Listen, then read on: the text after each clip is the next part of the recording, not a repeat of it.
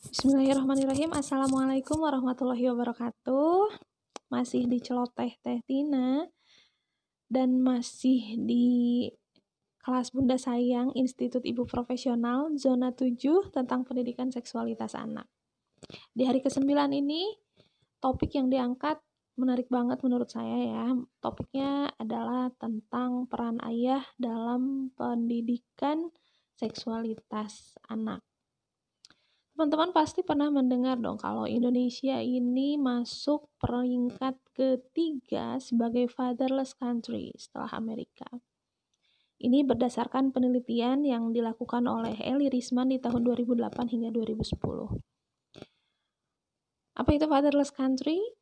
Fatherless country merupakan sebuah negara yang ditandai dengan keadaan atau Gejala dari masyarakatnya berupa kecenderungan tidak adanya peran ayah.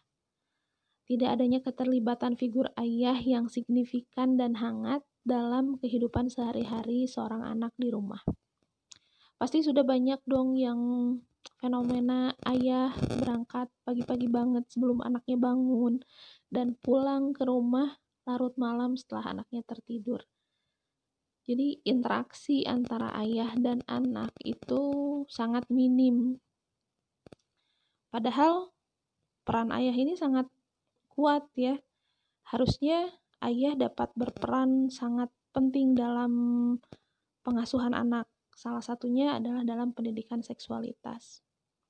Pakar parenting Ustadz Benri Jaisyur Rahman menyebutkan bahwa rusaknya perilaku anak muda saat ini adalah buah dari kegagalan keluarga dalam memproduksi anak-anak yang tangguh.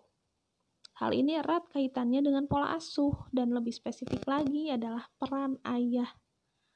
Anak-anak ini mengalami gejala yang disebut father hunger yang dengan demikian boleh disimpulkan bahwa kehadiran sosok ayah dalam pendidikan seksualitas itu sangat-sangat penting. Ayah yang berperan dalam pengasuhan pendidikan seks anak akan membuat anak merasa aman, nyaman, dan tidak kehilangan sosok ayah saat tumbuh dewasa. Dengan mendidikan mengajarkan pendidikan seksualitas pada anak, diharapkan dapat menghindarkan anak dari risiko negatif perilaku seksual maupun penyimpangan seksual. Banyak yang salah persepsi ya bahwa tugas ayah itu adalah e, banyak ketika saya melontarkan pertanyaan tentang tugas ayah dalam keluarga, banyak yang menjawab bahwa ayah adalah tugasnya adalah mencari nafkah. Padahal tugas seorang ayah itu bukan mencari nafkah ya, tapi tugas sebenar-benarnya tugas seorang ayah adalah menghindarkan dirinya dan keluarganya dari api neraka.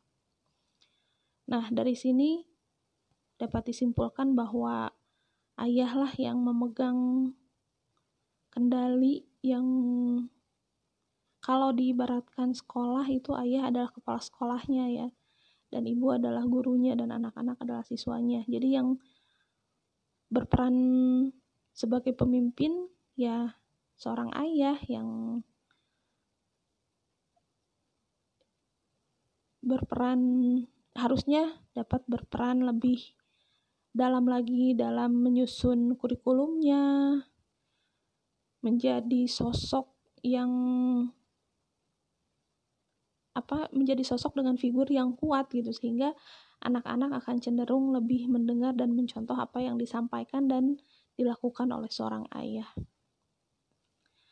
Yang berlaku juga ketika menerapkan pendidikan seksualitas.